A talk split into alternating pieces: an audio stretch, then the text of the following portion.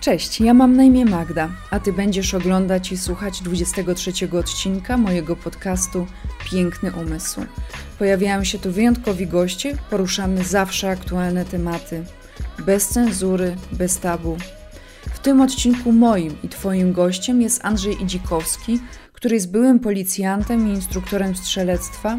Jest również doskonałym strzelcem, wygrywającym niemal wszystkie zawody strzeleckie. Naszej rozmowy możesz posłuchać na Spotify, Apple Podcast oraz obejrzeć na YouTubie. W tym odcinku rozmawiamy m.in. o tym, że ostatnie lata przyniosły rozwój mediów społecznościowych, powstały w cudzysłowie specjalistyczne kanały youtuberów, profile instagramowych influencerów. Zapytałam Andrzeja, co o tym myśli i jak ocenia ich umiejętności merytoryczną wiedzę. Poruszamy również temat wyszkolenia strzeleckiego w policji, o tym jak wygląda, ponieważ duże grono policjantów próbuje doszkalać się prywatnie za własne pieniądze w czasie wolnym od służby, ponieważ formacja nie zapewnia im odpowiedniego wyszkolenia. Z racji na moją branżę zapytałam również Andrzeja o pomoc psychologiczną w policji, jak podczas jego służby wyglądał do niej dostęp i czy po przebyciu trudnej interwencji mógł na taką liczyć. Przypomnę Ci tylko, że gościnią 17 odcinka tego podcastu była Joanna Kozłowska, którą znamy z Instagrama jako Dziewczyno Działaj, a rozmawiałyśmy na temat wysokiej wrażliwości. Zapraszam Cię również na moją stronę internetową magdalenakopenhagen.pl oraz na moje konto na Instagramie, gdzie możesz poznać mnie trochę bliżej. Serdecznie zapraszam do oglądania i do słuchania. Od kiedy my się zgadujemy na ten podcast? Od roku? Ponad roku? No, będzie. Wreszcie Ponad się roku. udało. Tak. Potem tak, bardzo się mieliśmy, mieliśmy na wiosnę zeszłego Tak. roku, potem wojna przyszła no, i się wojna- poprzesuwało. Trochę to przerwało wtedy, tak. Ale to już się nagrywa? No. O kurczę. Dobra, dzień dobry, witam serdecznie. tak, chciałam trochę inaczej. A, rozumiem, dobra. Tak, e, bardzo się cieszę, że właśnie udało nam się spotkać. To ja Poroz- się cieszę. Porozmawiamy Dziękuję. sobie trochę też nie tylko o strzelaniu, ale też o policji. Oj, Trudny Śmiało. temat. możemy spróbować, wiesz. Od razu z wysokiego C zaczniemy. Tak. Ale też e, od tego, jak e, poznaliśmy się, nie tylko dzięki Fundacji Grom, gdzieś tam nasze drogi się przecięły, ale też e, Instagram Tak. i środowisko strzeleckie. No i właśnie a propos Instagrama i tego, co się dzieje obecnie, że praktycznie każdy może założyć konto, może założyć na YouTubie. I tak jak w mojej branży, to podobnie z tego, co obserwuję w Twojej branży, jest, e, w mojej branży jest dużo takich domorosłych e, psychologów, ja się śmieję, szamanów, e, pseudoterapeutów, którzy tak naprawdę szkodzą. I z tego, co widzę, to też trochę podobnie jest w strzelectwie, że ludzie pozakładali profile, dają rady, a nie do końca mm, są dobrzy w tym, co robią. Jak oceniasz i co o tym w ogóle myślisz? Jak oceniasz wiedzę merytoryczną takich ludzi? Co o tym myślisz? Kurczę, wiesz co, to jest dość indywidualna sprawa, bo to ciężko powiedzieć, mm, jak oceniasz całe środowisko, tak? No, ja w tym środowisku, może od początku, żeby to miało jakiś tam wymiar. wiesz co, to, to jest tyle złożony temat, że moja przygoda tak naprawdę z tymi social mediami, z Instagramem, z Facebookiem, jakimiś tego typu narzędziami, czyli takimi sposobami tak naprawdę dotarcia do, do potencjalnego klienta, bo tak bym to określił, a to też nie jest bez powodu, za chwilę o tym powiem. E, Zaczęła się dopiero po odejściu z munduru. E, I Twoje pytanie jest na tyle szerokie, że wiesz co, kreśla się tutaj, e, znaczy w tym przedziale mieszczą się zarówno strzelcy cywilni, czy tam instruktorzy cywilni, e, jak i ci, którzy z munduru odchodzą. I jedni i drudzy mają w tym jakiś swój żywotny interes, żeby, żeby w tym świecie zaistnieć, co nie jest niczym złym z założenia, tak? Natomiast y, w każdym zawodzie, w każdym w mojej ocenie, oczywiście są trudniejsze, łatwiejsze zawody. Ten jest specyficzny, bo tutaj błąd kosztuje bardzo drogo. I nie chodzi o wymiar finansowy, tylko chodzi o taki prawny, ludzki. Zdrowie e, przecież, nie? No Zdrowie, i życie niejednokrotnie, tak? Więc ten błąd kosztuje bardzo dużo. Wiesz, ten, żeby tych błędów y, uniknąć albo inaczej, żeby one nie występowały albo się minimalizowały w miarę możliwości, no to potrzebne jest doświadczenie.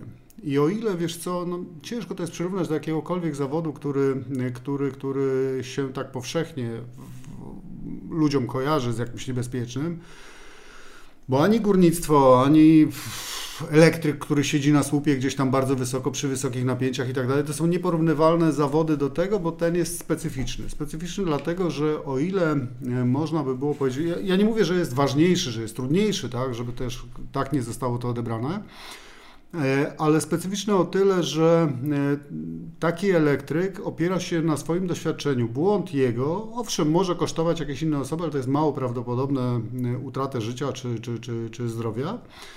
E, natomiast w moim zawodzie, bo tak bym to określił, to mój zawód, e, w moim zawodzie mm, ten błąd jest mniej wypadkową po mojej stronie, czyli ja, ja najprawdopodobniej tego błędu nie popełnię, no mam nadzieję, że do końca życia się jakoś tak uda e, przebrnąć na, w tej pracy, natomiast pracuje się na ludziach, tak? I tutaj o tyle trudne to jest, że za każdym razem być może będą to nowi ludzie, być może będą to osoby, które mają pierwszy kontakt z bronią palną, niejednokrotnie mają jakieś tam obawy wewnętrzne przed bronią palną i tak dalej, i tak dalej. To jest dość złożony temat.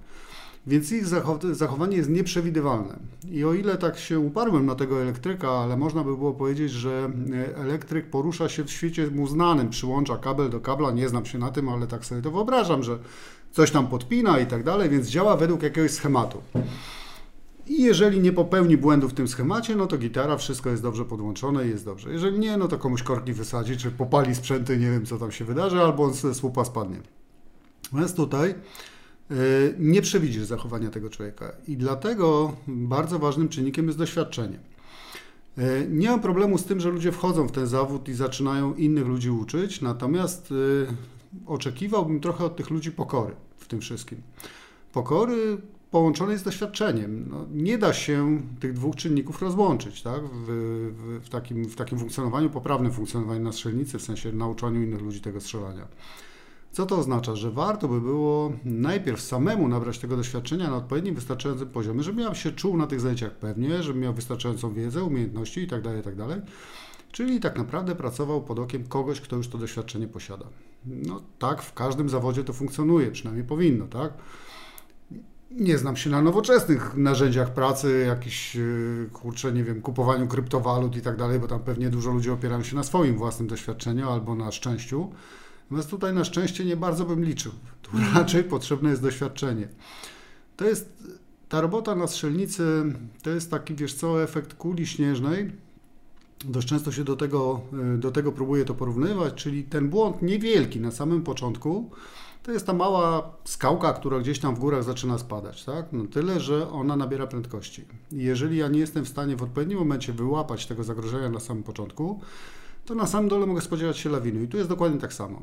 Jeżeli mi brakuje doświadczenia, żeby coś zatrzymać na samym początku tego zdarzenia, zanim ono się jeszcze, zanim ono się jeszcze wydarzy, albo przewidzieć pewne fakty, czego się nie da zrobić bez doświadczenia, zachowanie innych osób, ich podejście, no, wyłapać jakieś sygnały od tych osób, bo przecież mamy na, na strzelnicach też samobójstwa, więc to trzeba by było wyłapać e, te sygnały dużo wcześniej no to niestety kończy się nieszczęściem. Jak za długo? Jeżeli za długo, to. Nie, to nie, wszystko jest, zasłuchałam się. Ale to też jak opowiadasz, właściwie mm, trochę przypomina pracę też psychologa.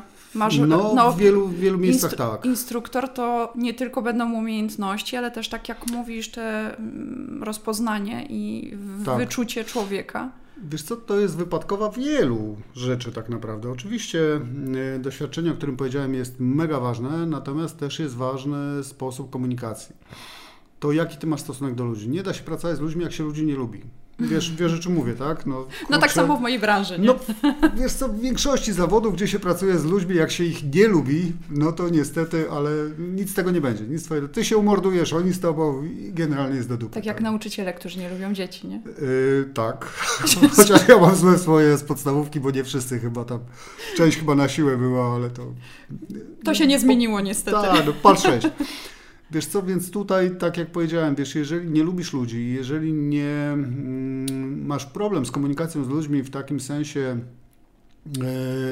z większą grupą ludzi, bo to też jest o tyle trudne, że mm, jeżeli pracujesz z jedną osobą, to jakby tą komunikację wiadomo, że w którymś momencie złapiesz, tak? No, ty wyczuwasz jego, on wyczuwa ciebie, jest gitara, kurczę, dogadujecie się, ty coś mówisz, jest spoko. Natomiast jeżeli pracujesz z grupą 10-20 osób, no to musisz się liczyć z wieloma rzeczami, że ta uwaga e, będzie zupełnie inna. Oni nie będą w ciebie wpatrzeni, jak nie wiem, kurczę, szukam jakiegoś porównania, ale to może coś mi przyjdzie do głowy, ale nie będą w ciebie jakoś tam wpatrzeni, tylko część z tych osób będzie zainteresowana tym, co mówisz, część może mniej, część ma problemy w domu, część ma problemy gdzieś tam w robocie, ktoś inny czeka na ważny telefon i tak dalej, i tak dalej, nie? Więc y, ja zawsze tłumaczę ludziom, z którymi mam gdzieś tam zajęcia takie instruktorskie, że jedyną, znaczy przede wszystkim tą osobą, którą powinno się chcieć na strzelnicy, to jest właśnie instruktor. Jemu się musi chcieć rozsiewa pewną aurę, zaraża tych ludzi tym, że jemu się chce. Jeżeli po nim widać, że on coś tam robi tak na odwal, dupa. Nic z tych zajęć nie będzie. Więc wiem, o czym mówisz. Znaczy, wiesz co, doświadczyłaś komercję, to jest zupełnie inny temat, o tym też, y, też możemy tam chwilę, chwilę wspomnieć. A, bardzo chętnie.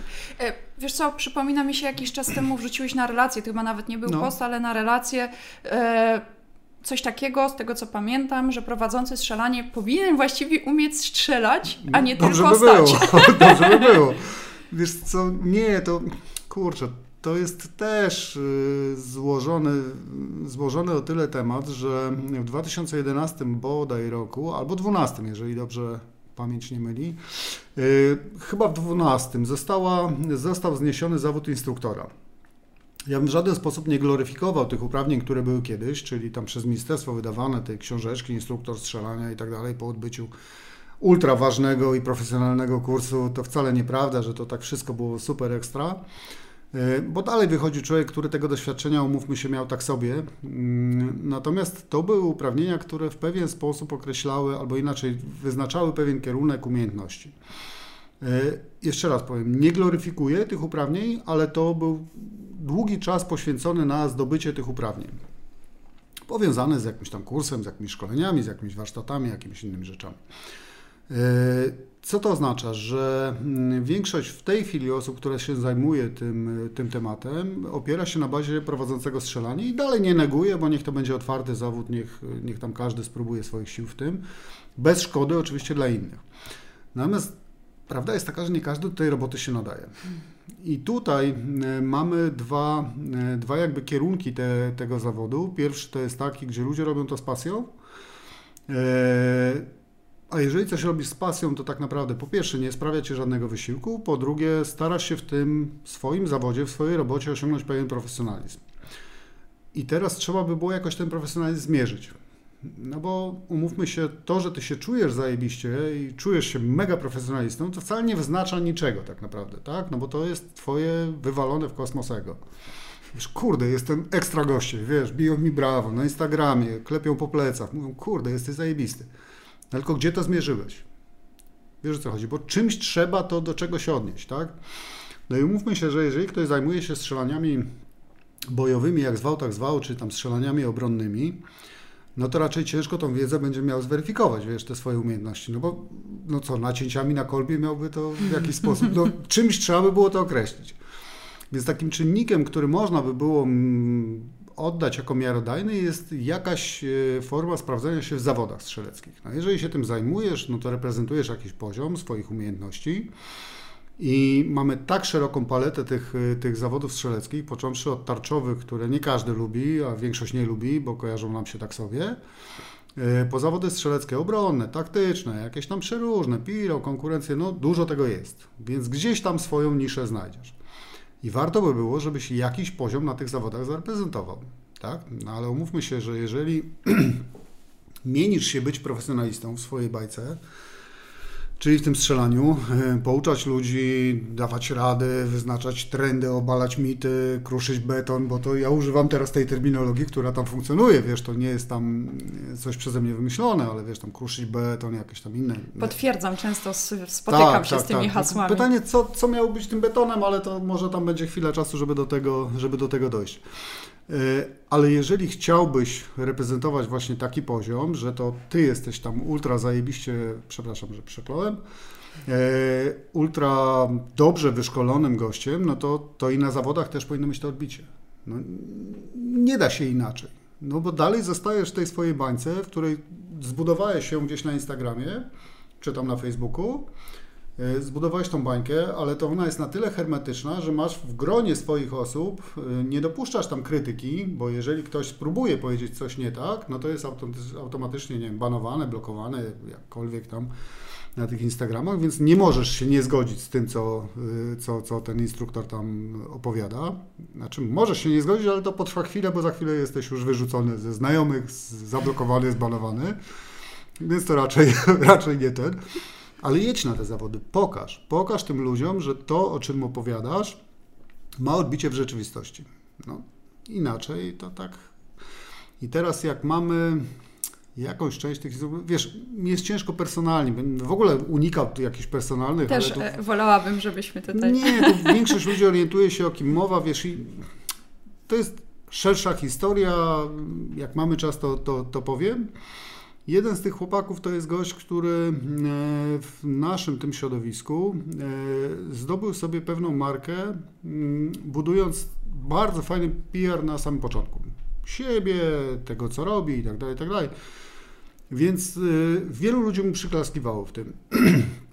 Wydawało się, że to jest mega rozsądny, mega rozsądny człowiek i mega rozsądny kierunek. I można by było mu przy tym wybaczyć y, pewne jakieś tam zapędy. Wiesz, że kogoś tam ocenia tak lepiej, gorzej i tak dalej. Natomiast w jakimś momencie podejrzewam, że ilość tych lajków, klików czy czegokolwiek tam, jak, jak to mierzyć, y, była tak duża, że się oderwało. Hmm. Zaczął odjeżdżać gdzieś w jakimś bliżej nieokreślonym kierunku. E, a co za tym idzie, mm, wiesz co, stracił szacunek do tych, którzy w tym zawodzie są dużo dłużej. Widzisz, on. E, przerwę Ci, że e, u Was stracił szacunek. Ja jako cywil i osoba, tak naprawdę mhm. laik, przecież wchodzę dopiero mhm. w świat strzelecki, zauważam takie zagrożenie, że powiedzmy, ok, widzę, super, mhm. dobrze to wygląda, zaczynam chodzić na szkolenia, zaczynam się uczyć i tutaj jest problem. Tutaj mhm. mogę sobie sama krzywdę zrobić, nie? Kurde, o szkoleniach to też będzie czas, żeby powiedzieć, wiesz, bo, bo chciałbym dokończyć najpierw tamtą myśl, natomiast o szkoleniach warto by było powiedzieć, o szkoleniach strzeleckich, o ich y, sposobie prowadzenia, o profilach, o, o tym, kto prowadzi te szkolenia strzeleckie i na jakim poziomie, ale to jeżeli pozwolisz, to później trochę. Natomiast tutaj kończąc ten wątek, y, wiesz co, to jest trochę tak, że nie da się tak naprawdę wojny prowadzić na wszystkich frontach. Otoczyć się grupą wyznawców, nie wiem, stworzyć jakąś tam sektę wokół siebie, ja, guru i reszta tam jakieś dookoła gości, którzy mi tylko przyklaskują, no takie sekty, no to, to były w historii, wiele takich było i kurczę, przeważnie słabo kończyły. Y, ja w ogóle nie życzę, żeby się coś tam wydarzyło, bo to odbija się na całym naszym środowisku, tak? Bo nikt personalnie nie patrzy, że to ten czy tamten zrobił coś na zajęciach, tylko mówi się o strzelca tak. w ogóle, tak? To też jest mocno krzywdzące, no ale jakby no, tutaj dla takiego odbiorcy statystycznego, no to niekoniecznie tam ma, ma, ma większe znaczenie. I nie jest problem, e, że człowiek zbiera doświadczenie, nie jest problem, że człowiek się uczy, tylko e, zauważyliśmy, bo mamy tam ekipę takich ogarniętych chłopaków, e, zauważyliśmy, że markę zaczęło się budować teraz, taki trend jakiś jest, zaczęło się budować na kontrowersji. Co jest dla mnie nie do przyjęcia, bo, bo znaczy na kontrowersji już rozwinę może tą myśl, Chodzi o to, że musisz wejść z wysokiego C. Najlepiej krytycznie ocenić kogoś, kto coś robi od wielu lat. Albo powiedzieć, że to jest bez sensu, albo powiedzieć, że tak nie powinno się robić, bo to jest do dupy. Albo cokolwiek tam jeszcze, ale musi być takie pierdolnięcie. Może mhm. być? Tak. No to tak zaczynasz, nie? Czyli brzdęk. No i wtedy wszyscy mówią, wow, co za gość, cholera, no naprawdę jest interesujący, no bo mówi, że coś tam nie działa albo nie działa tak jak powinno i on wie lepiej i w ogóle jest super. Nie do końca. No nie do końca, bo wiesz, samo strzelectwo, e, nawet takie obronne, bo nie zajmuję się tym, tym sportowym, nie będę wchodził w tą działkę, to oczywiście jest cały kierunek tego strzelania, ale tam też są profesjonaliści, natomiast to strzelectwo obronne czy bojowe, jakkolwiek tam zwał, e, to jest wypadkowa wielu lat doświadczeń. To się nie wzięło z YouTube'a. Tego nikt nie wyczytał w książce. To jest oparte o doświadczeniach i pewien schemat, model działania w niektórych okolicznościach, owszem, może się wydawać, że jest przestarzały z zamysłu, tak? No bo funkcjonuje ileś lat, no to na bank jest przestarzały.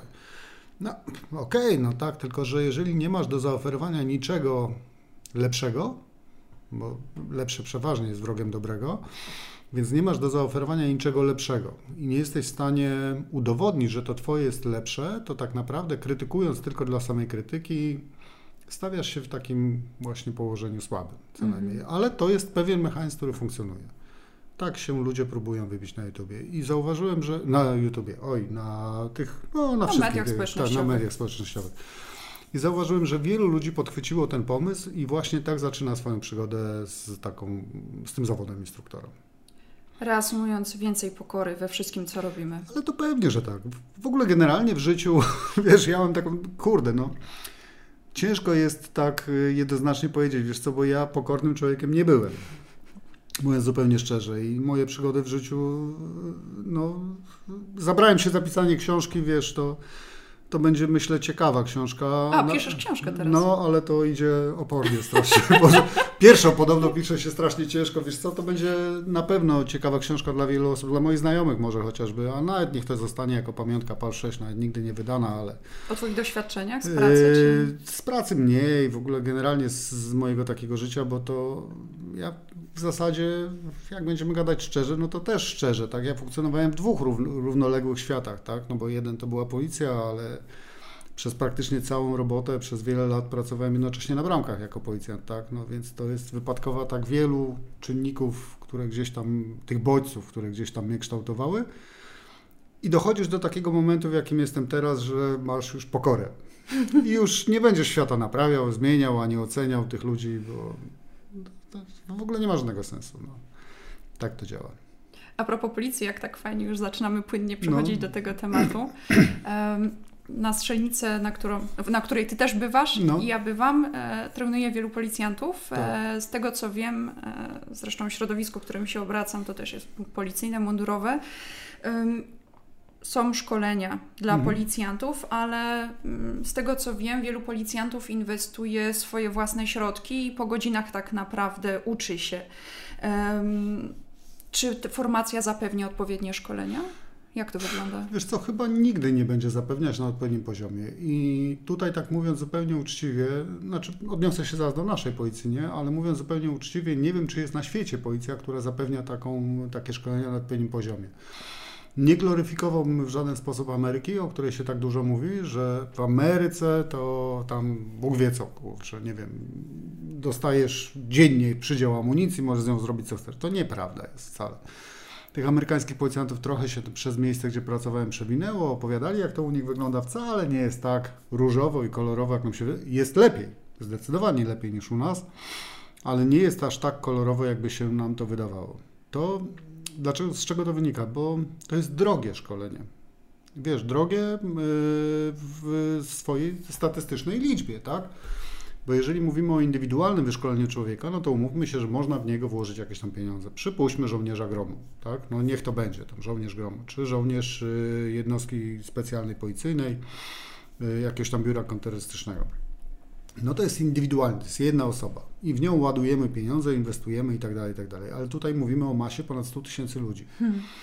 I teraz każdy z nas ma świadomość, ile kosztuje amunicja, i teraz dokładanie tej amunicji, o czym mówiłem już kilka razy, nawet 10 sztuk na te 100 tysięcy ludzi, no to umówmy się, że robi jakąś tam konkretną liczbę. Już nie będę tam w głowie, bo tam z matematyki nie najlepiej, aż tak, ale niech to będzie 100 sztuk dołożone, niech to będzie 1000 sztuk dołożone, co już w ogóle jest absurdalne, razy 100 tysięcy ludzi, no to umówmy się, że robi taką kwotę, że minister by się tam za głowę złapał, powiedział, no nie, no w życiu, no nie tyle, chłopy. Jedna sztuka w strzelaniu niczego nie zmieni, ale dołożyliśmy jedną, dołożyliśmy 100 tysięcy sztuk na wszystkich policjantów. Mhm. O czym też mówiłem kilkukrotnie, że no może nie wszyscy ci policjanci powinni, a muszą, zgodnie z przepisami, ci mundurowi, którzy mają przydzieloną broń, wszyscy muszą strzelać, raz w roku przynajmniej, tam jakie to strzelanie zaliczeniowe, ale nie wszyscy powinni. Tam też to się spotyka dość często z, jakąś, z, jakąś, z jakimś oporem, bo podejrzewam, że tych, którzy właśnie są w tej grupie. Co masz na myśli, nie wszyscy powinni? Yy, Wiesz co, są takie stanowiska w każdej firmie, w każdej, w każdej pracy, w policji szczególnie, że te stanowiska w żaden sposób się nie stykają z koniecznością użycia Okej, broni. Rozumiem. Nie wiem, biura przeróżne, komenda główna, w zasadzie chyba cała, poza jakimiś tam nielicznymi biurami, które gdzieś tam rzeczywiście pracują z bronią palną, no to cała masa ludzi w mundurach, którzy się tam plączą po korytarzach, przerzucają papierki, liczą statystyki, nie wiem, jakieś słupki, coś tam jeszcze robią, komunikują się ze światem, jakieś biura międzynarodowej współpracy tak. Tak Kiedy oni wyjdą na ulicę strzelać? Do czego im ta umiejętność tak naprawdę, nie? No i kurde jeżeli by mieli w jakimś momencie swojego życia trafić z powrotem na tą ulicę, to ja bym to widział w ten sposób, że mają jakiś taki kurs y, recertyfikujący ich umiejętności, idą na ten kurs, niech to będzie 3-5-dniowy taki kurs, tam się postrzela, tam się przypomni, jakie aktualnie obowiązują przepisy, bo umówmy się, to jest 100 tysięcy ludzi, którzy zajmują się różnymi rzeczami. I to jest nieprawda, zaraz dojdę jeszcze do tego strzelania, ale już się rozwinąłem. To jest nieprawda, że policjant zna się na wszystkim, bo ja nie znam się kompletnie na, znaczy inaczej, znam się tyle, co każdy użytkownik ruchu drogowego, ale nie pomogę Ci, jeżeli chodzi o ruch drogowy, a dość często spotykam się z jakimś tam, ty, bo ja tam na drodze, ktoś mnie zatrzymał, wiesz, coś, Kurde, mówię, stary, ja się, się nie znam. Cieszę się, że to mówisz i dlatego nawiązałam, e, czy każdy powinien, nie powinien. Z tego względu, że mamy takie roszczeniowe podejście, ale tak no, samo oczywiście. wiesz, do mnie chociażby, jak siedzę, zdarza mi się ze znajomymi, no. już nie mówię, że pacjent, ale ze znajomymi, którzy zapominają, że jestem psychoterapeutką, zaczynają mi zadawać bardzo wnikliwe pytania na temat leków i ja tak siedzę i mówię, dobra, mam pojęcie, mm -hmm. to mhm. też jest mój obowiązek, ale nie jestem lekarzem, no, nie? Że tak. Więc nie każdy musi, to, że jestem w danej branży nie znaczy, że muszę znać się na wszystkim i super, że to powiedziałeś o policji Nie, też. wiesz co, ja to przyrównuję dość często do zawodu nauczyciela. Mhm. No i cholera, no jakoś nikt nie oczekuje, jak idzie do pani od matematyki, żeby ona mu z polskiego tam opowiedziała, jak to powinno wyglądać. No, nikt nie oczekuje, prawda? Nie wiem, idziesz do kogoś od, od WF-ów, niech tam będzie, nauczyciela, no i nie pytasz go o to, co, co tam się dzieje, nie wiem, z fizyki, jak, jak tam powinien sobie poradzić i tak dalej, jak ten wzór rozwiązać, czy z chemii, czy z czegokolwiek tam jeszcze. I tu jest ta sama sytuacja, każdy ma swoją działkę, w tej działce się porusza, owszem, ma jakąś tam wiedzę z kursów, które gdzieś tam e, w trakcie swojej pracy zdobył, ale trudno, żeby ona była usystematyzowana na bieżąco i tak dalej, to się nie wydarzy. To jest ta sama sytuacja. Kończąc y, to, albo odpowiadając na Twoje pytanie, yy, czy jest za mało tych szkoleń? Tak, jest za mało. Czy można by było lepiej? Obawiam się, że nie, dlatego że brakuje nam obiektów. Na pewno nie wydamy pieniędzy na amunicję jako państwo yy, więcej, bo, bo, bo, bo, bo w odbiorze społecznym chociażby nawet będzie to bardzo źle postrzegane. Jeżeli minister powie, że na policję potrzebujemy tam ileś więcej, a mamy dzieci, które kurczę, w szkołach nie mają obiadów, a mamy coś tam jeszcze innego, to wszyscy powiedzą, ej, na jaką policję? No cholera, radzą sobie jakoś do tej pory, no przecież nie będziemy na to wydawać więcej. Z drugiej strony, jak dzwonisz na policję, to oczekujesz, że przyjadą super wyszkoleni profesjonaliści. Nie? I strzelać to na bank będą potrafili. Nie no, że jak dzwonisz, to od razu BOA przyjedzie przecież, nie? No, no to na pewno. Tak, bo oni tu stoją zaraz za rogiem. Ale oczekuję, że przyjadą zawodowcy, ze strzelania to tam ogarnięci, w ogóle nie ma o czym gadać, więc stąd u ludzi, którzy, e, którzy, którzy chcą ten poziom reprezentować wysoki, stąd niestety dzieje się tak, że muszą te umiejętności podnosić we własnym zakresie. Czy to jest złe? Nie. Nie jest to złe. E, może jest to krzywdzące dla niektórych ludzi z tego względu, że to kosztuje pieniądze. Pieniądze, które gdzieś tam z budżetu domowego zabierają w pewien sposób, co mo mogłaby formacja jakoś tam uzupełnić w sensie finansowym albo partycypować chociażby w takich szkoleniach. To się oczywiście nie wydarzy, ale to takie moje jakieś tam myślenie. E, więc jeżeli ktoś jest w takim momencie swojego życia, że go stać najzwyczajniej w świecie, czyli ma opłacone mieszkanie, tam pospinane te rachunki, to wszystko i tak dalej, nie wiem, z dzieciakami jest połapane, albo żona pracuje, albo w ogóle nie ma żony i dzieci jeszcze, no to jest gitara, może sobie tam pozwolić.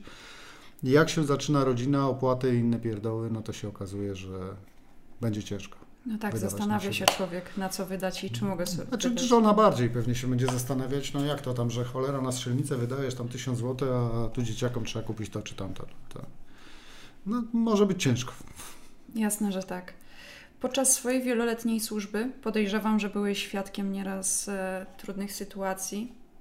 Czy pamiętasz jakąś interwencję, która zapadła Ci wyjątkowo w pamięć? Wiesz co, żeby być szczerym, to jest nie do końca tak, bo mm, nie chciałbym się. Oczywiście jeździłem na ulicy na samym początku swojej pracy, później przeniosłem się do Centrum Szkolenia Policji i tam pracowałem na strzelnicy w zasadzie przez większość swojego czasu do końca tej pracy zawodowej. Więc nie będę oszukiwał, że na tej ulicy spędziłem tyle czasu i nazbierałem tam doświadczeń i tak dalej, i tak dalej, ale tak jak Ci powiedziałem, funkcjonowałem w dwóch różnych światach. E, teraz już z perspektywy czasu mogę spokojnie to powiedzieć. E, z czegoś trzeba było żyć, więc gdzieś musiałem zarabiać pieniądze i pracowałem gdzieś tam po, po, w różnych miejscach. E, I ilość tego syfu, takiego brudu, który widziałem, jest nieporównywalna chyba z niczym, tak naprawdę. Bo, bo jak weźmiesz pod uwagę, mm, jak weźmiesz pod uwagę mm, to, że na widok policji, czyli tego patrolu, który przyjedzie, przyjedzie ludzie reagują w różny sposób. Tak? No, niektórzy się uspokajają, inni gdzieś tam zaczynają pobudzać i tak dalej. E, natomiast tutaj masz do czynienia z ludźmi, którzy niespecjalnie się interesują tym, że ty tam gdzieś powiesz. Kurde, to jest długi temat, no ale noże, strzelanie, pobicia, ciężkie pobicia. No tego było tak dużo, że nie jestem w stanie nawet, wiesz, tak, no tak jak się mówię, może się uda to gdzieś tam spisać. Z mojej pracy zawodowej, jeżeli pytasz o policję, tak, pamiętam jedno zdarzenie na samym początku mojej pracy, e, które gdzieś tam, gdzieś tam, bo później to już takie typowe warszawskie interwencje domowe, mm, dużo tego było, jakiś tam wisielec, jakieś coś nic nadzwyczajnego tak, tak naprawdę, bo, bo, psychicznie nie mam z tym problemu, tak? No, nie mam problemu, że jak widzę zwłoki i, i te nie wiem, czy to dobrze będzie, cholera, nie chciałbym tak, ale jakoś jestem w stanie to sobie przepracować. Nie, nie mam z tym większego problemu, już nie będę wchodził w szczegóły. Więc jakiś tam wisielec czy coś to nie, nie robi jakiegoś tam większego wrażenia. Natomiast to zdarzenie, kurczę, na mnie wywarło takie spore, spore, powiem Ci, wrażenie, bo to była chyba z trzecia w nocy. E, I pojechaliśmy tutaj na Pradze, na jakąś interwencję domową. Oczywiście mm, Praga też wyglądała inaczej, bo to końcówka lat 90., więc no, pięknie tam nie było. E, to, to nie była ta Praga, która jest teraz, tylko taka naprawdę... Praga, Praga. Taka Praga, Praga. I wiesz to trzecia w nocy podjeżdżamy pod ten blok, no tam oczywiście ludzie biegają, coś, kurczę, wiesz, jakaś, jakaś awantura i na samym środku trawnika pod tym blokiem stoi takie dziecko na bosaka, zima, na śniegu, na bosaka, w jakiejś takiej, ale mega brudnych yy, piżamce, czy co to było. I powiem Ci szczerze, że to wywarło jakieś tak ogromne na mnie wrażenie, że nikt się tym dzieciakiem nie interesował. Wiesz, on stał w tym śniegu, patrzył do góry, wiesz, zapłakany, malutki taki. Już nie pamiętam, czy chłopczyk, czy dziewczynka nawet. W każdym bądź razie tutaj reszta, wiesz, no jak to na Pradze, wszystko pijane, tam gdzieś łaziło się, plątało dookoła, wiesz, tam awantura na górze, ten dzieciak stoi. Kurde, co jest, cholera, jakiś inny świat. Weszliśmy na górę, mama pijana, ojciec pijany, no tak. No słabo, jakoś tak, kurde, nie mogłem tego pokleić, wiesz, do rzeczywistości. Mówię, cholera, no nikt tym dzieciakiem, a to widocznie obrazek, który gdzieś tam był dość powszechny, więc to nie było nic niezwykłego, ale wiesz, śnieg na bosaka, słabo. To jest to taka tak bezradność, nie? No, że nie mamy... Wiesz co, kurczę, to jest chyba... To jest chyba, nie wiem czy bezradność, wiesz co, ale ta okolica była specyficzna, bo to tam te, te brzeskie, nie brzeskie, te, wiesz, te, te taki cholera trójkąt bermudzki na tej Pradze i podejrzewam, że ta społeczność, ona tak po prostu funkcjonowała. I, i Coś to, naturalnego No, takie zwyczajne jakieś. Dla mnie nowe trudne takie do, do ogarnięcia na początek, nie? Troszkę też nawiązując do mojej branży, e, też wiem, że jest zawód e, psycholog policyjny, prawda? Mhm. Czy pamiętasz może, jak wyglądała opieka psychologiczna u Was? Wiesz co, to... Czy w ogóle istniała? Wiesz co, to cholera jest... Teraz zostanę skatowana za to pytanie. Nie, kurde, ja chociażbym Ci nawet chciał powiedzieć, kto był tym psychologiem, to bym Ci nie powiedział, bo w ogóle nie... Wiem, że jest na etacie mm. ktoś taki y, i obawiam się, że większość policjantów dokładnie tak samo jak ja. Czyli no, nie, nie można było jakoś znaczy, liczyć na... Może gdzieś cholera w komendach wojewódzkich, gdzieś, może tam można się jakoś cholera... Wiesz co, nie potrafię Ci odpowiedzieć na to, kim był. Czy, no, ja nie wiem, czy to był kobieta, czy mężczyzna. Wiem, że gdzieś na etacie ktoś taki funkcjonuje. W komendach wojewódzkich pewnie też. Znaczy na pewno tam jest. Y, o jakiejś opiece to bym nie mówił, bo obawiam się, że w ogóle coś takiego nie funkcjonuje, chyba że ktoś ma jakieś wyjątkowo traumatyczne zdarzenie, albo szykuje się na emeryturę i potrzebuje procentów, bo to też jest pewien mechanizm. Do dziś chyba też funkcjonuje tak, że jak komuś tam ktoś jest przed odejściem i potrzebuje złapać trochę procentów na tą głowę, żeby tą emeryturę sobie podnieść, a jednocześnie nie zależy mu na tym, że, żeby pracował później z bronią albo żeby posiadał broń palną, bo wiadomo, jedno drugie wyklucza, no to pewnie się udaje do tego psychologa i sobie tam te procenty robi. W trakcie pracy może ktoś po jakiejś wyjątkowej traumie, stracie czy zdarzeniu to też y, z przymusu trochę pojedzie, trochę może, nie chciałbym kogoś skrzywdzić, tak, bo może ktoś potrzebuje i rzeczywiście pojedzie.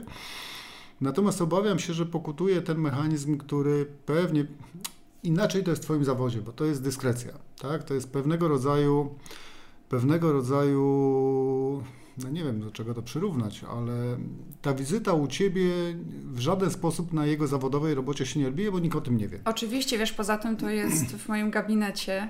Jestem cywilem, niezależnym, więc to tak. też, tak jak mówisz, nie tylko tajemnica zawodowa, ale nikt nie wie, kto do mnie przychodzi. No, no właśnie, wiesz, i, i jeżeli ktoś by potrzebował tej pomocy, to myślę sobie, że prędzej wybrałby Ciebie niż tego naszego firmowego, naszego, no nie mojego, ale tego firmowego psychologa i to z prostej przyczyny, bo ja nawet nie wiedziałbym, jak to dyskretnie zrobić. Nie wiem, zadzwonić tam, ale czy to jest dyskretne? Dzwonisz do jakiejś komendy wojewódzkiej, mówisz, bo ja bym potrzebował pomocy psychologa. Ja nie wiem, kto tam odbiera z drugiej strony.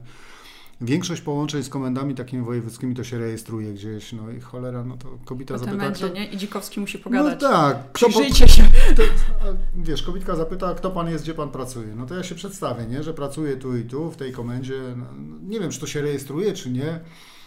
Nie wiem, jaki jest dalszy proces tego, wiesz, tak y, patrzę na tą ciemniejszą stronę tego. Ale sobie wyobrażam, że mogłoby dojść do takiej sytuacji, że ta kobitka zadzwoni tam do naczelnika, który gdzieś za mnie odpowiada, czy jest moim przełożonym, powie, ty weź mu tam pistoletu nie dawaj, bo tam z nim jest niedobrze, cholera, no, do roboty go już nie wysyłaj. Niech on odpocznie, czy coś, no, tak to widzę, wiesz. I teraz pytanie, jak zareagują koledzy w robocie. Kurde, jeździ do jakiegoś psychologa, cholera jasna, ja z nim w patrolu jeżdżę, a on tam chyba nie za dobrze z nim jest zaczną się tobie bacznie przyglądać, tak ja to widzę, wiesz, cały czas buduję taką tą, wiesz, zaczną się bacznie przyglądać, każdy twój ruch taki, wiesz, który może być odebrany nie tak jak powinien, nie wiem, czy nawet słowo, czy zdanie, mogłoby się okazać, że to cię w jakiś sposób w tym środowisku wykluczy. Wiesz, tak? I to jest poważny problem, bo zobacz, i tak ludzie dopiero zaczęli się przełamywać, żeby sięgać po pomoc specjalistów, bo wcześniej pokutowało takie przekonanie, że idziesz do terapeuty, mhm. nie daj Boże psychiatry, to no. już jesteś wariatem, nie? A w, właśnie wśród mundurowych jest to jeszcze trudniejsze. Jest trudniejsze i wiesz co, ja Ci powiem, że to jest chyba znak czasów. Nie, mm, nie nie chciałbym w złym świetle, albo inaczej, nie chciałbym w niekorzystnym świetle postawić Twojego zawodu, Twojej roboty, ale mam takie nieodparte wrażenie, że to jest, tak jak powiedziałem, znak czasów i już mówię, z czego to wynika. ano, jak ja się przyjąłem jeszcze do roboty, to było bardzo dużo takich starych funkcjonariuszy jeszcze z tamtego okresu. Nawet jeszcze z PRL-u, nawet jeszcze głęboko z PRL-u. E, I wiesz co, większość rzeczy przepracowywało się tam we własnym gronie. Takich oczywiście, które dało się przepracować, nie? W sensie siadało się do wódki. Nie ma w tym żadnej tajemnicy, u mnie w robocie się piło. Może nie w trakcie tej roboty, ale po niej już tak. Co to oznacza? Że jeżeli nas w zespole pracowało tam, nie wiem, 15-20 osób, załóżmy, to myśmy o sobie wiedzieli wszystko. Jak y, twoja żona ma na imię, jak y, twoje dzieciaki mają na imię, jak tam generalnie w chałupie ci się układa, ile masz tam, nie wiem, pożyczki, ile kredyt, kurde, no wszystko, no bo przy gorzale wychodzą wszystkie rzeczy, nie? I dużo rzeczy można wyrzucić, i dużo problemów można było rozwiązać, nie jeden w nos dostał. No, tak to, ale terapia, to nikt się... Terapia przy procentach. tak, ale nikt się jakoś tam nie napinał to, nie? I jakieś chuje poleciały, wiesz, i jakieś tam inne rzeczy. I atmosfera była oczyszczona. Rozumiesz, jak weszły te wszystkie nowoczesne korpo rozwiązania, nie umniejszam Twojemu zawodowi, bo on też jest potrzebny, ale jak weszły wszystkie te nowoczesne korpo rozwiązania, to się okazało, że o 16 wszyscy jak w fabryce odbijają kartę i każdy spierdziela do domu. Nie ma relacji międzyludzkich. To mnie strasznie bolało pod koniec roboty, jak odchodziłem. Ja pracowałem w fantastycznym zespole z fajnymi ludźmi, naprawdę mega. Najbardziej z tej roboty żałuję ludzi tego kontaktu. Natomiast y, jeżeli chodzi w ogóle o mechanizm, który zaczął funkcjonować y, w policji, to właśnie stała się taka korporacja. Mniej takich relacji międzyludzkich, mniej takiej zależności, mniej chęci pomocy w nawet takich drobnych rzeczach, a więcej wszystko było wyrachowane, obliczone na coś tam, czy mi się to będzie opłacać, czy nie będzie, czy wejdę w kolizję z kimś, czy nie wejdę. Ja pracowałem w okresie, kiedy i kierownik, i kurczę, taki szeregowy policjant miał coś do powiedzenia. I nie bał się powiedzieć.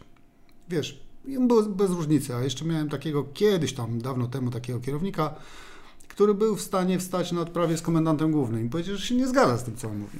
Wiesz, komendant główny, inny jeszcze niż ten od granatnika, ale wiesz, komendant główny, tutaj odprawa, wszyscy w mundurach galowych, wiesz, wszystko ważne, tam ponapinane i tak dalej. No i tam, czy są pytania jakieś od państwa, wiesz, no oczywiście liczył na to, że żadnych nie będzie. No, czy jak to, komendanta głównego, no nie po to przyjechał odpowiadać na pytania, wiesz, powiedzieć, wygłosić swoje expose i jechać do siebie tam do biura. No i mój kierownik mówi, a ja mam pytanie. No i tam, wiesz, wyżegał mu coś. Kurde, wiesz, no, to było coś niebywałego, nie? Ale to się działo wtedy. Tak samo mogłeś kierownikowi powiedzieć, no może nie na ty, ale mogłeś mu powiedzieć wiele rzeczy, więc te relacje były zupełnie inne. Nie było jakichś barier takich sztywnych, wiesz, i tak dalej. Nie podoba mi się, mówiąc szczerze, współczesny świat w tym właśnie kontekście. Może mm, ten PRL i ta cała formacja mundurowa i te służby i tak dalej, one może nie były najfajniejsze w tamtym okresie, bo nie były, nie ma co do tego wątpliwości, ale relacje międzyludzkie były zupełnie na innym poziomie, porównując do dzisiejszych to one były gdzieś daleko w kosmosie. Naprawdę. Relacje się zmieniły. Wczoraj akurat a propos książki, ja też piszę książkę o, o relacjach. O. Rozmawiałam wczoraj z, z, moją współautorką książki na temat przyjaźni. Zadała mhm. mi dokładnie pytanie, jak uważam, co uważam na ten temat, czy wcześniej było inaczej, jak jest teraz to, co ja zauważam, no to są media społecznościowe, mhm. które wpłynęły i w ogóle dostęp do internetu, że wiesz, wcześniej, żeby z kimś pogadać, trzeba było się spotkać. Teraz wyciągasz telefon, komunikujesz się tak. tam na. Wiesz, wcześniej no to SMS-a się wysłało, a teraz masz mhm. cały czas no, wymianę zdań. To I prawda. to też wpływa na komunikację. To prawda, ale wiesz co, jeszcze jedna rzecz i tutaj się uprę, wiesz co, na te korpo rozwiązania, bo ja, tak jak Ci powiedziałem, pracowałem poza policją jeszcze w innych miejscach i to nie tylko były tam bramki dyskoteki, ale też były różne tam jakieś inne miejsca i miałem styczność z takim światem biznesu, szeroko mówiąc i to były te amerykańskie rozwiązania, że musisz być najlepszy. No po prostu musisz, nie? To nie ma tak, że się na czymś nie znasz. Ty musisz się znać, ty musisz być najlepszy. To jest dalej funkcjonuje w tej korporacji. Zwróć uwagę, bo też miałem okazję wiele razy być na tych szkoleniach, jakichś takich meetingach, nie wiem, czy jak ktoś tam nazywa fachowo, ale takie te z takim mentorem, on tam opowiada, że wiesz, to dasz radę, musisz być najlepszy, osiągnąć sukces i tak dalej. To akurat nieprawda, bo to wcale nie każdy musi być najlepszy i nie każdemu Dokładnie. się uda. E, więc ta presja jest bardzo duża, e, na tych ludzi wywierana. Może im się to w korporacjach w jakiś sposób sprawdza, ale mam wrażenie, że oni są jak szmaty takie, wiesz, że, że trzeba tam wycisnąć ile się da z tej szmaty, potem ją wyrzucić. Tak, potem mam w gabinecie wypalenie zawodowe, mobbing i wszystko No to z czegoś wynika, tak? Czyli tak, jak powiedziałem, no nie żeby się ktoś nie obraził. Nie chodzi o szmatę jako szmatę, tylko chodzi o szmatę jako przedmiot nasiąknięty czymś tam. Tak, tak to trzeba wycisnąć z tego na maksa, czy tam niech to będzie cytryna, bo będzie łagodniej. Wycisnąć z tego na maksa, wyrzucić to, co tam zostało i gitara. Niech sobie idzie. I zostawiamy wrak człowieka. I on jak jest tak spompowany, wiesz, że musi być najlepszy we wszystkim, znać się i tak dalej. Mi dlatego bardzo ciężko niejednokrotnie rozmawia się z ludźmi z Warszawy, którzy gdzieś tam właśnie w tych korpo takich historiach są. Im jest bardzo ciężko się przyznać, że czegoś nie wiedzą. Wiesz? Ja tak to przynajmniej obserwuję, wiesz, też żeby kogoś nie urazić, bo, bo nie tylko z Warszawy, ale z dużych miast generalnie, zetkniętych z tym biznesem, z tymi korporacjami, z takimi rzeczami, bo, bo yy, zwróć uwagę, że na Instagramie, na Facebooku ci ludzie nigdy się nie przyznają do błędów. Dla mnie klasą człowieka jest przyznanie się do błędu. Wiesz, czyli spierdzieliłem, nie wiem, nie doczytałem, nie znam się, sorry, popełniłem błąd i już, i gitara. Ja mam ogromny szacunek do tego człowieka wtedy, nie? No bo zabłądził, w sensie pomylił się w jakimś tam zakresie, sorry. Pomylił się w jakimś tam zakresie, przyznał się, powiedział gitara, nie? Czego oczekiwałem też od polityków, ale pal sześć tych polityków, nie? Że spierdzieliliśmy porządków i w mojej ocenie ten odbiorca, wyborca inaczej by takiego człowieka postrzegał. Ale mechanizm Instagrama, Facebooka i tych wszystkich narzędzi społecznościowych wytworzył coś takiego, że przecież ja nie muszę od razu odpisać. Ja mam czas, ja sobie to sprawdzę. Czyli ja mu piszę, piszesz bzdury, no to on wtedy odpisze mi za 4 godziny, jak sobie wyszuka w internecie odpowiedni fakt, który popiera jego tezę. Zwróciłaś uwagę, że to tak działa, nie? Że tam nie masz odpowiedzi natychmiast. Bo to nie jest wiedza. To jest coś, co musiałem sobie ustalić. Aha, to by mi pasowało najbardziej, więc ja mu napiszę to. I tam skopiuje, coś przepisze, wiesz, tak dalej. Więc to jest tego, tego, te, tego typu komunikacja. Co to oznacza? Że ta presja jest ogromna. Nie? Ci ludzie nie są w stanie się tak bezinteresownie, normalnie komunikować, tak, to co powiedziałeś wcześniej, w takich relacjach międzyludzkich, tylko raczej są wyrachowani w, tych, w, tych, w tej komunikacji. No, nie wiem, czy nie zabłądziłem coś, ale tak się. Racja. Ale właśnie a propos tej pomocy psychologicznej, tak jak powiedziałeś wcześniej, się było w swoim gronie rozwiązywało dużo spraw, ale też chociażby, zobacz też jak wcześniej rodziny, mm, też więcej się rozmawiało w rodzinach, mhm. więcej związkach się rozmawiało, no. a teraz od razu szukamy na zewnątrz zamiast budować to, co jest w środku, nie? Najlepszą relację, którą mógłbym Ci opowiedzieć, to mam z takim moim kolegą z roboty, yy, z Kubusiem. Kubuś, pozdrawiam serdecznie.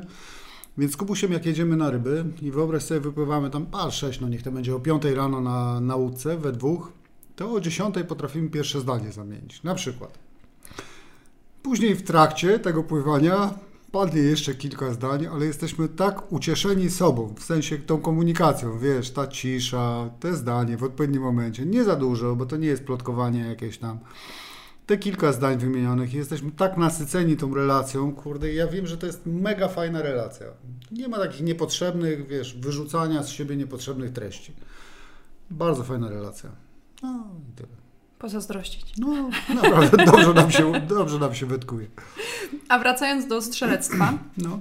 E, na samym początku wspomniałeś o szkoleniach komercyjnych. Mhm że ja doświadczyłam fakt faktem. No. Doświadczyłam właśnie na samym początku szkoleń komercyjnych, potem im więcej ludzi poznawałam, wchodziłam bardziej w świat tak. strzelecki czy mundurowy, no to też już miałam przyjemność, mam przyjemność strzelać z osobami, które nie tylko mhm. zajmują się dodatkowo tą pracą, ale faktycznie to było całe tak. ich życie.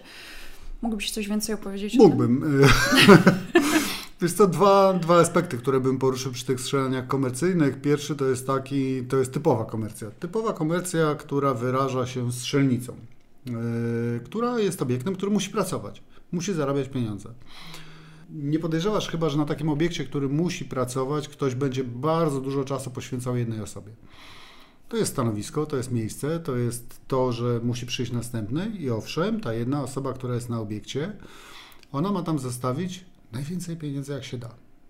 Rozumiesz? Dokładnie, wynika... to dla, dla, osób, które nie wiedzą, co to jest strzelanie komercyjne, to jest to, że przychodzimy, mówimy, chcę postrzelać, płacę, strzelam. Tak płacę, strzelam, a im więcej strzelam, tym jest lepiej dla właściciela obiektu i w ogóle nie można mieć o to pretensji, bo to jest, no, bo to jest biznes, tak? No On tak. ma zarabiać pieniądze, a nie szkolić ludzi, wypuszczać profesjonalistów, zawodowców. To jest zupełnie naturalne. No to tak samo jak idziesz do restauracji, chodzi o to, żebyś zamówił jak Kurde, najwięcej. no tak, no wiesz, te restauracje to tam, to są różne, nie? No ale, ale wiadomo, że chodzi o to, żebyś zostawił jak najwięcej i to jest zupełnie normalne i w ogóle nie podlega żadnej ocenie ani krytycznej, ani jakiejś tam. Natomiast y, większym problemem są strzelania komercyjne. Y, może nie problemem, ale takim ciekawym zagadnieniem są strzelania komercyjne i to nam się będzie spinało z tym, co mówiliśmy przed chwilą, czyli o tym, że ludzie chcą od zaraz. Wszystko od zaraz. Nie? Czyli jestem najlepszy, chcę od zaraz, zostanę komandosem w ciągu dwóch dni. Jadę na szkolenie do kogoś, kto był żeby się ktoś nie pogniewał, bo znam tych chłopaków dużo, nie wiem, w gromie, y, ale nie umniejszam absolutnie, ale jadę do kogoś, kto, kto był w gromie, pracował tam w tej jednostce y, i po dwóch dniach będę komandosem gromu. Oczywiście, jak zapytasz, to każdy z nich powie, nie no, jestem pewnie świadomy, że ja nie jestem i tak dalej, i tak dalej, ale jedzie i ma przekonanie, że to, co tam w te dwa dni osiągnął na tych zajęciach, y, no to zrobi z niego komandosa. No nie zrobi. No nie zrób. W żadnym zawodzie to się nie uda i tutaj też się nie uda. I o ile gdzieś cały czas ma z tyłu głowy, że to jest fajna zabawa yy, i to jest yy, sposób spędzania wolnego czasu i tak dalej, i tak dalej, to w ogóle nie ma z tym żadnego problemu. Gorzej, jak mu się zaczynają odklejać te dwa światy. I gorzej, jak mu się zaczyna coś wydawać, że już powinien kogoś tam oceniać, że już powinien mieć zdanie na jakiś tam temat. No nie, no nie powinieneś. Ty dostałeś komercyjne szkolenie nakierowane na ciebie po to, żebyś się fajnie bawił, żebyś porobił ciekawe rzeczy i tak dalej, i tak dalej. I teraz problem polega też na tym, że na doborze tych ludzi. E, są ludzie, których znam i robią tego typu szkolenia i oni sobie dobierają tego klienta odpowiedniego do odpowiednich zajęć, bo poziom, który on musi prezentować, powinien być wystarczający, żeby na tych zajęciach było ok, żeby było bezpiecznie, żeby nie tylko on się fajnie bawił, bo to bawimy się takimi rzeczami, które robią krzywdę, ale też, żeby wszyscy dookoła się też fajnie bawili, tak? czyli żeby czuli się bezpiecznie. Żeby owszem dostali tą wiedzę, po którą przyjechali, za którą zapłacili, ale też, żeby się czuli przede wszystkim bezpiecznie. To cała ta zabawa na tym polega, żeby na końcu wszyscy się rozstali, cali, zdrowi, uśmiechnięci, może poobijani czasem, bo różne to są szkolenia z rękawicami i złamany nos się trafi, jakieś tam inne rzeczy, ale gitara. Wszyscy są zadowoleni, cali po to przyjechali. Gorzej, jeżeli łapie tych ludzi losowo, czyli daje ofertę na Instagramie czy na Facebooku. Moje umiejętności, tu już nie, nie mówię o chłopakach z gromu, moje umiejętności są takie, że tam właśnie dwa lata temu odebrałem swoje kwity z WP i tak może jeszcze nie do końca ogarniam temat, ale mam mnóstwo szpeju na sobie. Jestem ubrany od góry do dołu w najlepszy sprzęt, jaki mogę na rynku cywilnym kupić i będę uczył taktyki. Będę uczył strzelania bojowego, będę uczył czegoś tam. Takim jestem Weekend Warriors, takim, wiesz, zawodnikiem, który, który ludziom będzie przekazywał tą wiedzę, no w oparciu o, o jakie doświadczenia będziesz to przekazywał. No więc to też jest pewien problem tego środowiska.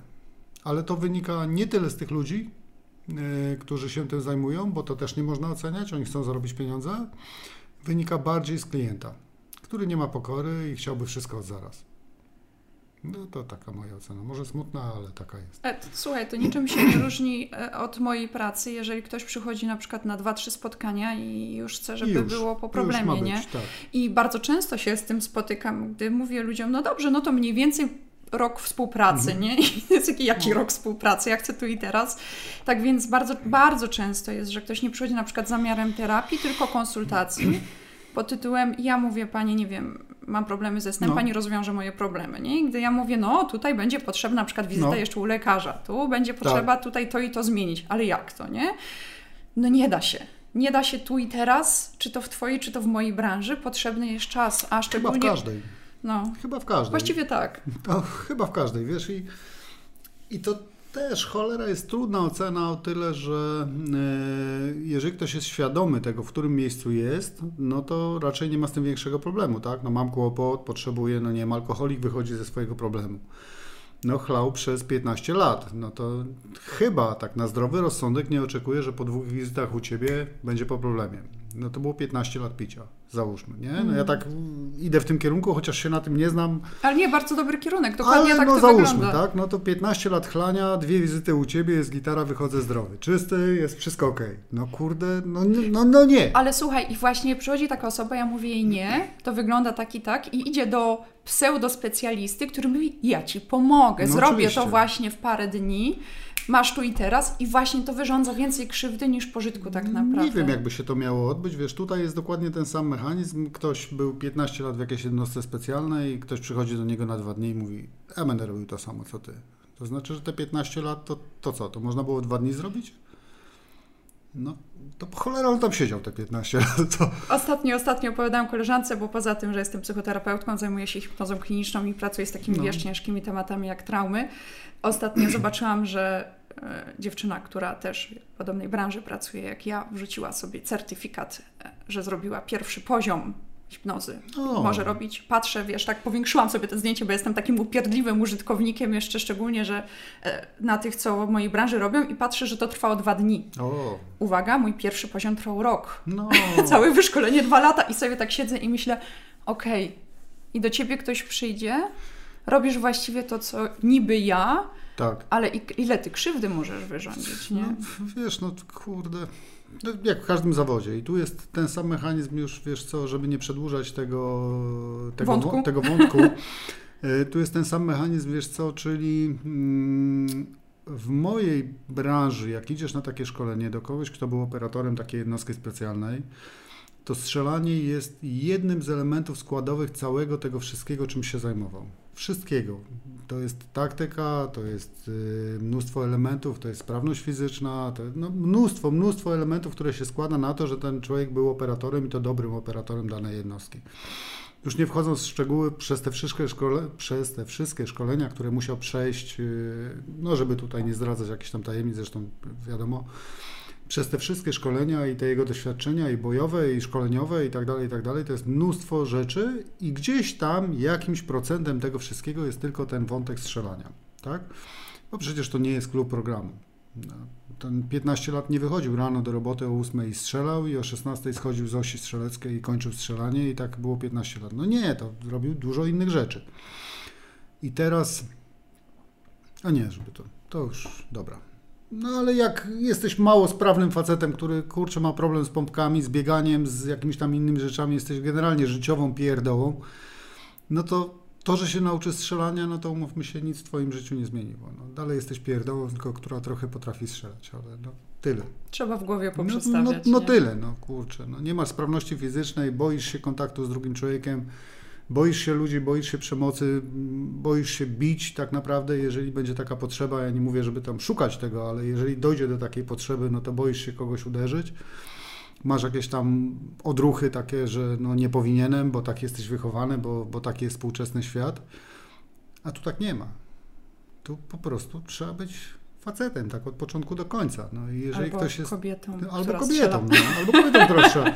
No ale jeżeli jesteś ciapą, taką mentalną ciapą, to te szkolenia strzeleckie owszem będą dla Ciebie fajną zabawą, będą relaksem, będą kurczę świetnie spędzonym weekendem, nie ma co do tego wątpliwości, dużo lepiej niż przy najebanym, przy grillu, yy, czy, czy tam gdzie jeszcze, chociaż i to też potrzebne czasem, ale na pewno nie zrobią z Ciebie komandosa. Cieszę się, że to powiedziałeś, bo tak naprawdę niezależnie co robimy, trzeba zacząć od głowy, nie? I poprzestawiać sobie w głowie i to wszystko, co robimy dodatkowo jest uzupełnieniem, ale różne elementy się na to składają. Głowa generalnie, wiesz co, w każdym. Cholera, to ja, jak przychodzą do mnie ludzie na zajęcia, to tłumaczę, próbuję wytłumaczyć pewne mechanizmy, które są chociażby na zawodach tarczowych, tak? No jeżeli na zawodach tarczowych twoja głowa nie wytrzymuje presji, gdzie umówmy się, walczysz o pietruszkę, no o nic, o dyplom, o kartkę papieru, czasem o jakąś nagrodę, ale nic wielkiego, czy uścisk ręki kogoś tam prezesa klubu, czy jakiegoś komendanta, i ty tej presji nie jesteś w stanie wytrzymać, dziurawiąc kartkę papieru na 25 metrach, no to raczej ta psycha jest taka, no, wiesz jaka. Więc to jest a propos tego, co pytałeś na samym początku. Bo tam doszło do pewnej weryfikacji umiejętności. Już jak gadamy o tym, to doszło do weryfikacji, czyli przez długi czas jeden z tych ludzi, który ma negatywną ocenę o, o nas, o tych ludziach, którzy gdzieś tam tym zajmują się dużo dłużej niż on, e, przez wiele, przez długi czas unikał konfrontacji, czyli unikał tego, o czym gadaliśmy, zawodów, jakiej, jakiejś formy sprawdzenia, czy jakichś fofów, gdzieś tam pojechać do chłopaków, pobić się trochę i postrzelać przy okazji z FX-ów, czyli z takiej amunicji barwiącej, no generalnie, żeby tego nie skonfrontować, bo wtedy dalej jesteś w micie, nie? W sensie mit jest mitem do momentu, kiedy ktoś, ktoś go nie obali. I tutaj działało to świetnie. Czyli buduje wokół siebie mit zajebistego gościa, super wyszkolonego, radząco, radzącego sobie ze wszystkim i tak dalej, i tak dalej. I Pech chciał, żebyśmy pojechali na zawody na Pomorze. Wyobraź sobie. Ale to zupełny przypadek. Kompletnie, wiesz, z, z czapy. Kumpel zadzwoni, mówi, ty, bo mój kumpel robi zawody na Pomorzu, jedziemy. No to dobra. No i pojechaliśmy na zawody mocną ekipą, bo dwóch y, mistrzów Polski w strzelaniach pistoletowych i dwóch gości, którzy z pistoletem radzą sobie naprawdę dobrze. Nie? Czyli gdzieś tam większość tych zawodów wygrywają. I spokojnie, spokojnie mogą kon- konkurować naprawdę na, na tym rynku strzeleckim, w sensie swoimi umiejętnościami strzeleckimi. I na tych zawodach brzdęk jest ten Mit. właśnie mit, tak? Yy, No i jak myślisz, jak wyszły te zawody? Jemu. Zdenerwował się, podejrzewam. No się, pos, się posypało. Stąd ten hashtag y, stop lewo dół. No bo jakby, wiesz co, to jest tak fundamentalny błąd strzelecki, że cholera, no nie wiem, jakbyś uczyła się jeździć samochodem i zapomniała sprzęgła wciskać. No i tak chciała zmieniać biegi no, na siłę. Praca na No spuście nie wiem, tak wiesz, po, po prostu nie da, to jest fundament tego Mhm. strzelectwa. No taki, kurczę, najpod, najbardziej podstawowy błąd ten strzelecki, jaki może wystąpić, to właśnie ten, u praworęcznych telewodół. Yy, I tak wyglądała jego tarcza. No. Więc jeżeli zabierasz się za takie strzelania, gdzie presja tego użycia broni palnej jest duża, bo okoliczności są trudne i opowiadasz o tym, że jesteś super, mega wyszkolonym gościem, no to wiesz, nie da się uciec od celności w użyciu broni palnej w takim środowisku zewnętrznym. Na strzelnicy możesz nie trafić.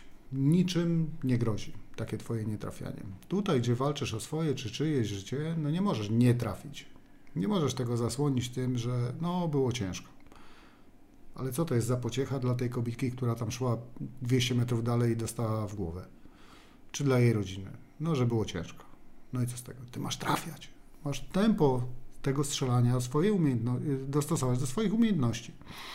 I jeśli nie wytrzymujesz strzelania tarczowego na 25 metrach, w, w, limicie czasu naprawdę takim. No to są, wiesz, warunki inkubatoryjne tak naprawdę. Można nie, sobie to trenować. Jest laboratorium, wiesz, to, to jest naprawdę sterylne warunki laboratorium, tak?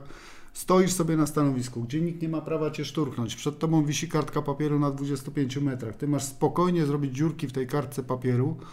Lepiej, gorzej, nie chodzi, żebyś wyciął dychę i żeby ona tam wypadła z tego wszystkimi dziesięcioma strzałami ale lepiej, gorzej, żebyś sobie tam spokojnie trafił, no ale umówmy się, no nie może być tak, że rozsypałeś jak młody po prześcieradle, kurde, po całej tej kartce, no, a szczególnie na lewo dół.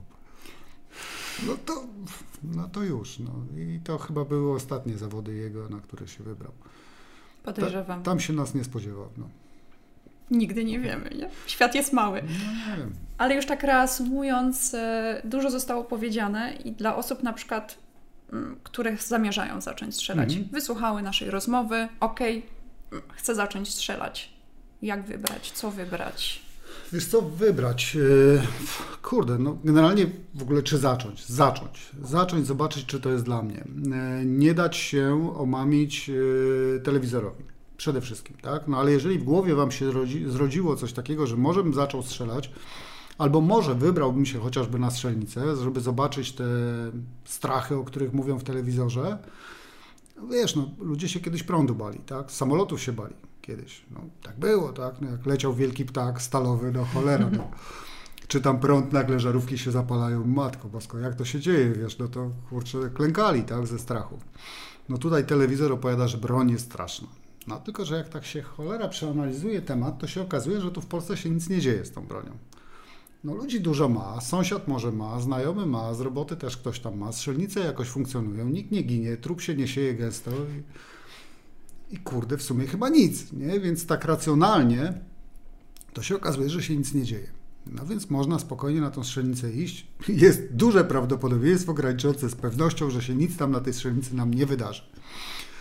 Yy, jak się przygotować? Wiesz co, przygotować się na tą strzelnicę inaczej, wybrać sobie obiekt najbliżej siebie, jaki jest, pójść, zobaczyć, jeśli będzie mi się podobało, no to zostanę, jeśli nie będzie, to sobie poszukam innej strzelnicy, bo nie dajcie się zrazić, jeżeli będzie obsługa na tej strzelnicy właśnie taka komercyjna, nieciekawa jeżeli liczyliście na to, że poświęcą Wam dużo uwagi, ktoś będzie tam przy Was stał, pilnował i tak dalej, i tak dalej, to się zdarzy na wielu strzelnicach, ale mogą, mogą się trafić takie strzelnice, które, gdzie tak nie będzie.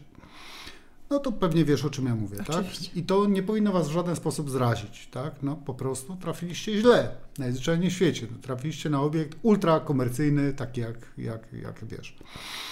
Natomiast... Yy, poszukać sobie tej strzelnicy, pójść, zobaczyć, czy ta przygoda w ogóle ze strzelaniem jest dla mnie. Tak? Nie zrażać się po pierwszej wizycie, nie oczekiwać wyników na tarczy, bo po pierwszej wizycie na poziomie olimpijskim, bo tak nie będzie. Albo będzie szczęście pierwszego razu. Albo będzie pierwszy strzał ultra super, mega, mega celny i ta dycha i od razu robimy zdjęcie, bo później każdy następny już będzie słabszy. Klasyk. tak, tak to działa.